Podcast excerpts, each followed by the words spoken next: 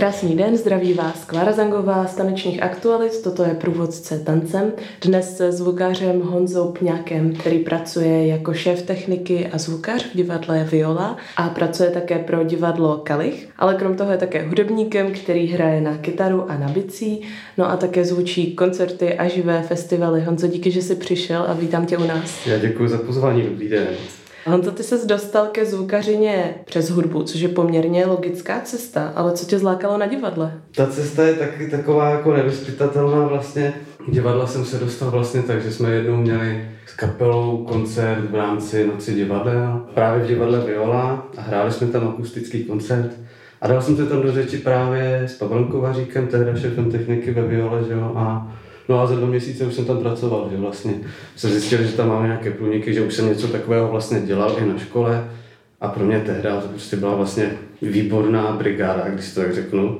No a když, tak, když to přeskočím o pár let dál, tak brigády se stalo jako než koníček, ale povolání vlastně. To znamená, že těch zvukařů je málo v divadlech, že hnedka po tobě takhle šáhli? Dá se říct, nebo takhle, obecně je to spíš tak, že se mě lidi ptají, jestli o někom nevím, koho by mohli vzít a je to jedno vlastně zvukař osvětlovač. Vždycky vlastně ta poptávka teď po lidech je, je spíš méně než víc. Řada hudebníků pracují jako zvukaři, ale aspoň si to myslím. Jak se to ale naučil? Jaká je cesta zvukaře? Já jsem vlastně začínal přes tu hudbu, že, že jsem právě hrál v kapelách a úplně vlastně nějaký jako první můstek jakože směrem ke zvukařině bylo, když jsme prostě vlastně s naší úplně první kapelou chtěli udělat nějaké nahrávky a nevím, jakým omylem jsme se rozhodli, že si to uděláme sami.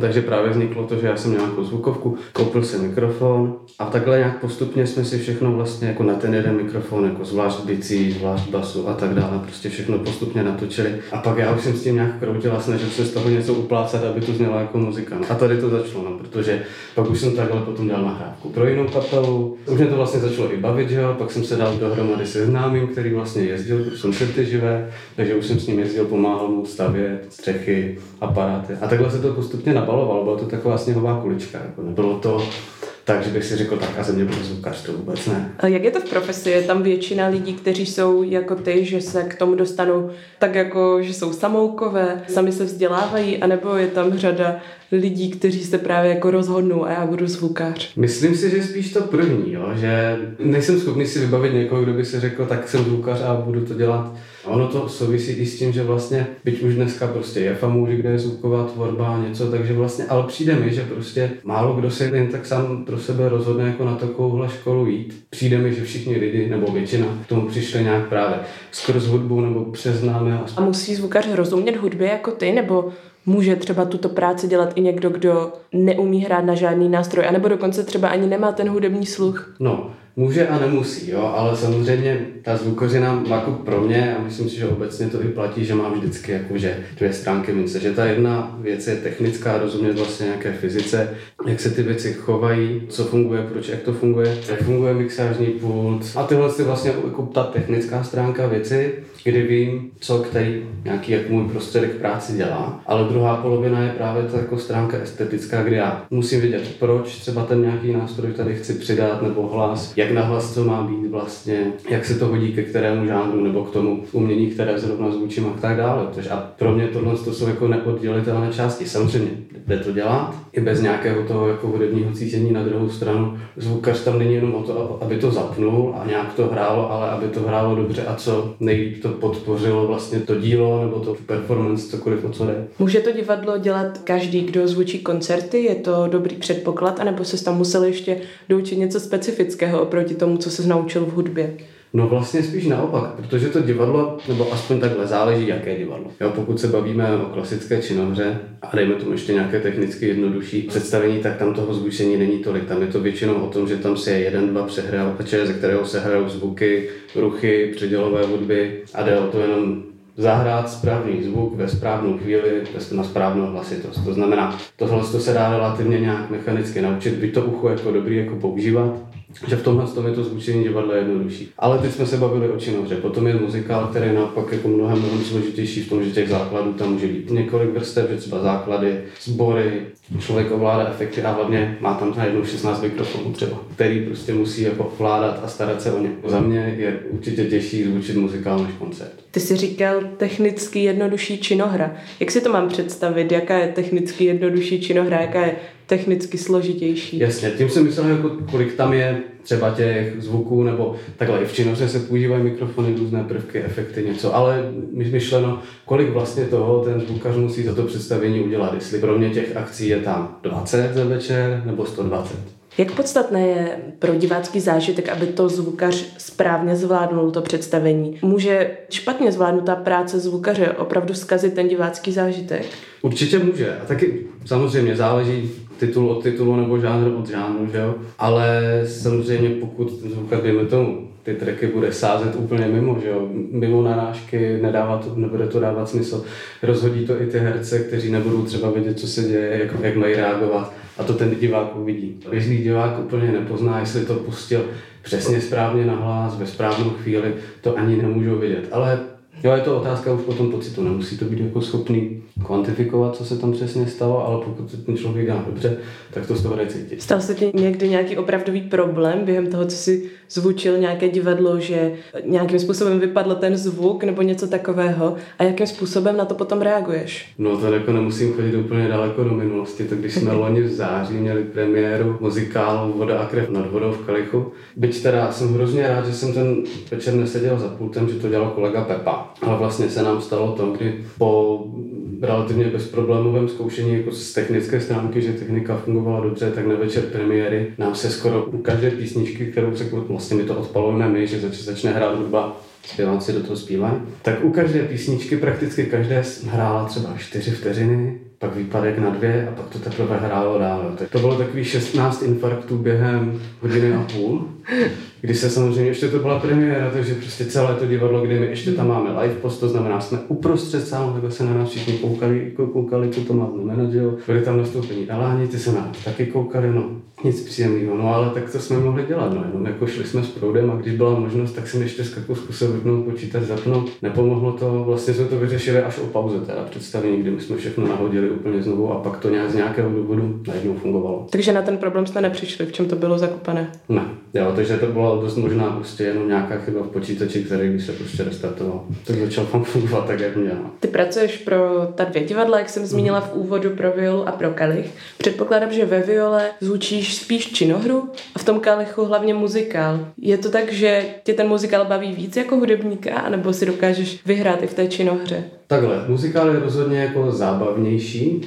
jako na zvučení, protože je tam spousta akcí, musím být pořád ve střehu, pořád poslouchat, co se děje, protože zatímco v činohře můžu odehrát track a pak vím třeba, že pět stránek je vlastně se jenom hraje a já nemám žádnou akci, tak mám pět minut, kdy vím, že jako nemusím být v pozoru. To v tom muzikálu neplatí, protože tam jsou zvučené i ty činohry, jo, že ty porty jsou taky pořád jako trošku naťuklý, aby bylo dobře slyšet i do zadních řad. Takže vlastně není tam moc prostor spočnout jednak a za druhé je to celé mnohonásobně náročnější. Ale o to samozřejmě je to zábavnější. Jo. Když už přiklenu přes ten bod, kdy se v tom cítím pohodlně a už mi to jde, tak už je to potom zábava. Být taková adrenalinová, protože prostě nikdy nevíš, prostě, co se tam může stát a pořád musíš reagovat na to, co se děje na jevišti. Jak moc velké slovo má zvukař při vzniku představení? Máš v nějaký vliv na to, jak to představení bude po té zvukové stránce vypadat, jak to bude probíhat?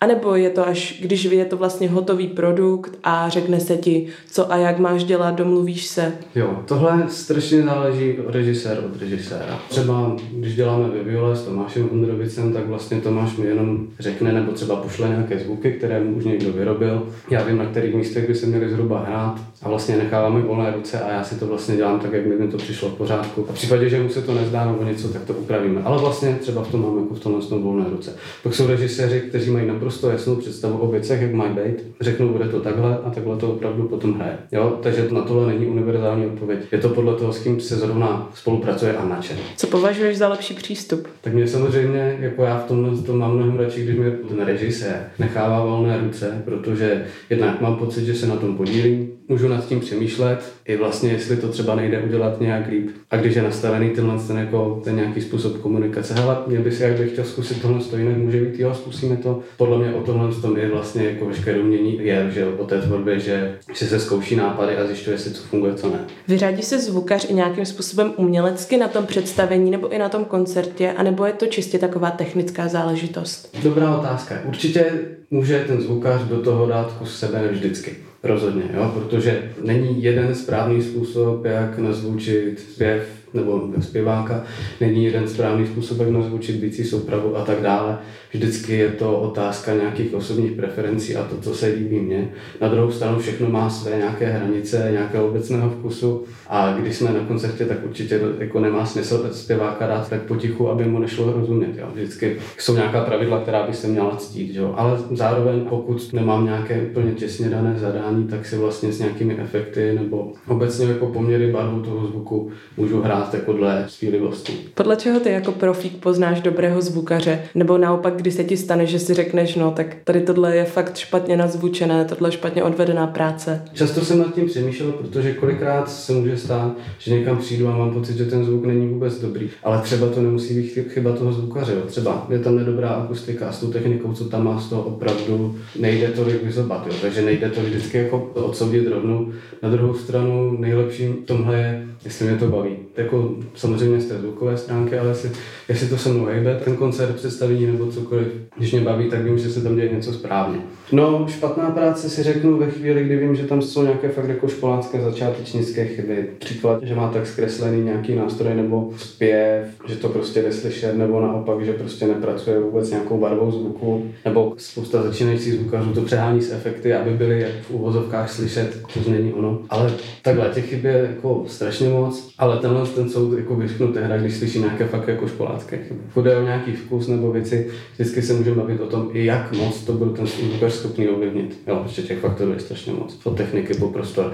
A nezapomínejme taky na umělce, interprety, taky nemusí být každý den prostě v nejlepší formě. Konec konců to, co jde z jeviště, to my jenom nějakým způsobem zesilem upravujeme, ale nemůžeme to jako změnit. Ty jsi mluvil o tom, že je chyba, když to nějaký zvukař přehnaně zkresluje svými efekty, že vlastně chce být slyšet. Měl by teda zvukař vlastně trošičku potlačit svoje ego a nesnažit se tolik ovlivnit ten výsledný produkt? Asi ano, ale taky bych to neřekl nějak úplně jako definitivně. Tam je důležité vždycky myslet na to, co se to představení, nebo jaká je jako, jako message toho představení, co se snaží říct, nebo co se snaží sdělit tomu divákovi, podle toho se chovat. Je blbý, když ten zvukař si řekne, dneska chci být slyšet a udělám to tak, aby to bavilo mě. Ale dá se to dělat tak, aby to mě to bavilo a zároveň to důležité je sloužit tomu divákovi, to je důležité. Ty jsi hovořil o akustice. Jaký je skvělý prostor na zvučení, kde si to fakt užíváš a co je naopak tvoje noční můra? Moje oblíbená odpověď na to taky není jasná odpověď, protože vždycky je důležité ptát se akusticky dobrý prostor, ale na co?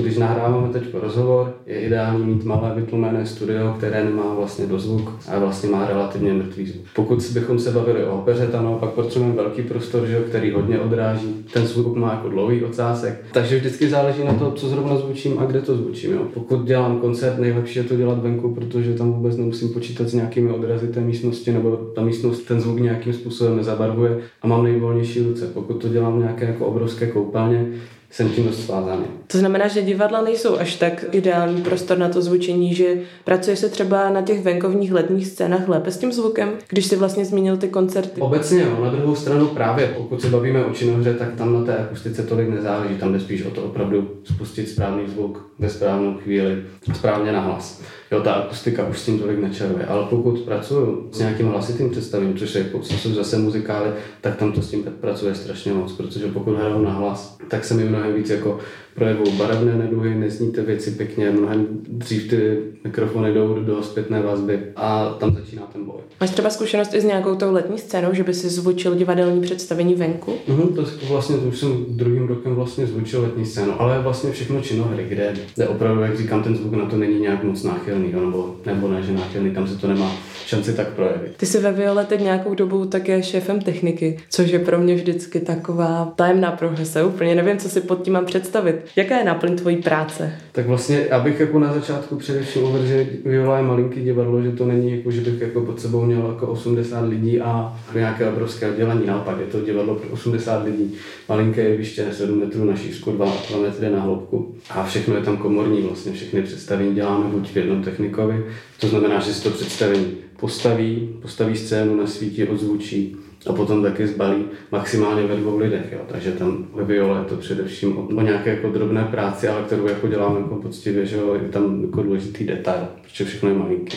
A co konkrétně tedy ten šéf techniky dělá? Protože Jasně. chápu, že tam jsi i zvukařem, ale mimo to zastáváš Jasně. ještě tady tuhle tam jednak o to obsazovat představení tak, aby každé představení měl kdo odehrát, že jo, vlastně, nebo jako technicky obsadit. Jde o to nějakým způsobem vést ten kolektiv, abych tam měl lidi, kteří dělají svoji práci dobře a ideálně rádi, ale taky je to, jde o tom, že se musíme starat o nějakým způsobem o tu techniku, vědět, co kdyby měnit, koupit novou, nebo naopak, co je v pořádku, o to se nějakým způsobem starat. Já vždycky vnímám jako takové spojité nádoby světlo, zvuk a potom třeba ještě to scénické řešení. Jak moc jako zvukař spolupracuješ třeba s light designem, s tou scénografií, s kostýmem? Probíhá tam nějaká spolupráce? A nebo je to jenom nějaká moje představa a pracujete jako oddělené jednotky? No většinou, aspoň z mojí zkušenosti, vychází, to vychází od režiséra. To znamená spíš jako režisér si úkoluje ty jednotlivé v úvozovkách sekce jako zvuk, světlo a tak dále. Že spíš jde o to, aby on měl nějakou vizi, jak tyhle ty dvě složky nebo více složek má spolu spolupracovat. A když eh, dám nějaký konkrétní příklad, tak třeba ve Viole ve to teď vypadá tak, že pokud se dělá premiéra, tak stejně obojí děláme zároveň. To znamená, že i nějakým způsobem to, jak mám úprava toho zvuku nebo jaký sound design, stejně ten light design vlastně děláme ve dvou spolu s režisérem a hledáme nějak jako to, co vlastně bude fungovat nejlíp pro to představení. Řekl bys, že existuje nějaký prostor, který opravdu nazvučit nejde? Tak záleží, co to znamená nejde. Určitě jako nazvučit jde všechno, ale nemusí to být perfektní. No. U našich hostů mě vždycky zajímá, kudy vedla vlastně ta jejich cesta. Co jsi studoval? Když jsem skončil gymnázium, tak jsem tak samozřejmě přemýšlel o tom, co teda dá, jakým způsobem to bude vypadat. A moje úvahy tehdy byly asi takové, no tak já dobře, tak se naučím se dělat nějakou jakože v úvozovkách slunečnou práci a tohle si nechám jako koníčka. A začal jsem dělat ekonomku tady v Praze, management. To jsem dodělal do bakaláře, ale vlastně postupem času, kdy jsem vlastně během té školy zároveň začal dělat divadle, ve studiu jsem chodil na nějaké, dejme tomu stáže, to nazveme, tak se to postupně ve mně začalo otáčet a zjistil jsem, že tohle koníček není, tímhle já se budu živit a prostě tu školu jenom dodělám, abych dodělal. Jak těžké je se ale uživit jako zvukař? Může se člověk uživit jenom tím, že pracuje jako zvukař a může se třeba uživit jenom na jedné scéně? Určitě se tím uživit dá a dá se tím uživit velmi slušně. Na druhou stranu těžko říct, můžu fakt mluvit za sebe a já to mám tak, že se vlastně dokud jako nenastoupila jako nějaká korona krize, tak jsem vlastně pracoval pro tři produkce. Jednak pro Violu, pro Kalich a ještě pro JT Promotions, což jsou plzeňská představení. A vlastně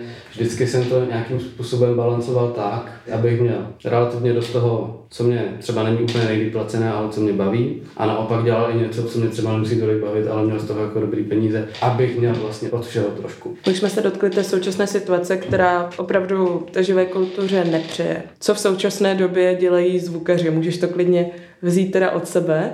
Čím se teďka živíš a čím trávíš ten čas? Takhle, já mám jako štěstí v tom, že právě ve Viole, jako, že mi právě pan ředitel nechal ještě aspoň jako prostě eh, nějaký plat a plus mi platí prostě hodiny, které odpracuju, takže to není tak, že bych měl teď úplnou nulu. A ve Viole právě jsme přišli k tomu, že budeme jako spousta ostatních divadel dělat nějaké streamy, takže to jsme vlastně v léře udělali asi 6 nebo 7 streamů jeden týdně. Teď jsme takhle udělali tři adventní, zkouší se dělat nějaké natáčení, záznamy, představení aspoň něco, abychom jako nějakou aktivitu, ne, že vyvinuli jenom proto, aby byla, to ne, hmm. ale abychom to vlastně nějakým způsobem to divadlo, které prostě teď nemůže úplně dobře fungovat, jako, no, jako, že drželi při životě. Stihli jsme vlastně odzkoušet dvě představení během od toho března. Snažíme se využít ten čas aspoň nějak jako smysluplně. Jaká to má specifika, když zvučíš ty streamy, nebo to, co se má potom stát záznamem? To je to blíž televizní práci než divadelní práci samozřejmě. Jo. Třeba u nás to máme v divadle, takže takovou techniku jako třeba v televizi nemáme, takže si své pomocí pomáháme s tím, co jde. A vlastně jde to udělat tak, aby to fungovalo slušně. Samozřejmě nejsme na úrovni toho, aby to bylo jako skvělé, ale na to, abychom udělali nějaký pořád, na kterým, kterým jsou hosté a baví se tam, bylo jim rozumět, to rozhodně stačí. Zvukaři jako profese se do médií až tak často nedostávají, to znamená, že jejich jména nejsou úplně známá. Máš mezi zvukaři nějaký vzor? Provedl bys tady prostřednictvím našeho podcastu takovou osvětu, jestli existuje v našem prostředí někdo, kdo je fakt skvělý a inspiruje tě? To je dobrá otázka. Já jsem vlastně se jako nikdy nepřemýšlel o, nějak, jako, jako, o nějakém zvukaři jako vyloženě vzoru, jo. Ale určitě můžu zmínit Kakaxu, což je teda přezdívka jako vlastním jménem Petr Fleisig, což je výborný zvukař, který dělá studiovou práci, dělá hrozně dobře mastering a vlastně díky němu jsem pracoval i ve Freebie studiu, což mi hrozně moc dalo v tom, že to je vlastně úplně jiný pohled na tu zvukařinu. Zatímco naživo prostě dělám s tím, co mám. V tom studiu jsem schopný jako strašnou spoustu věcí ovlivnit a připravit si hrozně rád mám Zazu, což je Honza Zázvorek. Zrovna, když si říkal, že zvukaře nejde vidět, tak to byl první snad první zvukař, kterého jsem viděl teď v televizi v souvislosti s koronakrizí, že jo. Mám hrozně rád svého šefa, že jo, v Kalichu, ten Jsi zmínil tolik přezdívek, je to běžné pro zvukaře, že pracují pod nějakým nikem a máš tak nějaký svůj? To vlastně jako, jak, já jsem si tohle uvědomil ve chvíli, kdy my jsme teď s kapelou dávali do světa nahrávku. Člověk, který s náma nahrával, i člověk, který míchal tu nahrávku, je právě člověk, který jako dělal ten master scének ve finále, to vlastně si myslím, že my tam píšeme jenom přes dívky. A ty Ale pracuješ pod nějakým nikem nebo pod svým jménem? Zrovna já ne, já jsem v tomhle divný, já, jsem, já jsem prostě Honda. Co bys řekl, že je na práci zvukaře úplně nejhezčí? Když všechno funguje tak, jak má, no. když vím, že ti, co jsou na jevišti, jsou dnes ten večer ve formě, všechno funguje, lidi to baví a mě to baví a vím, že to funguje jako celý nějaký jeden velký prostě organismus a všechno dělá to, co má. Co je to, co bys si ještě v práci zvukaře chtěl vyzkoušet, co tě láká? Chtěl bych si někdy zkusit nějaký jako opravdu jako velký projekt, třeba když jsem se byl s našima podívat jednou na Cirque de Soleil, kdy třeba to zrovna to představení úplně povedené nebylo, to jsme z toho byli trošku zklamaní, ale projekt tohle z toho rozměru, že vlastně je to pro spoustu lidí, jakože a vlastně spousta těch jednotlivých prvků, která je použitá. Samozřejmě tohle je věc, kterou určitě nedělal zvukař jeden, tam jich jako se dělo několik. Ale ano, šlo by jako chtěl bych si jako někdy vyzkoušet nějakou takovouhle jako velkou věc. Přesně, Honza Pňák, který byl hostem průvodce tance tanečních aktualit a já Honzovi moc děkuju, že přišel a loučím se naslyšenou.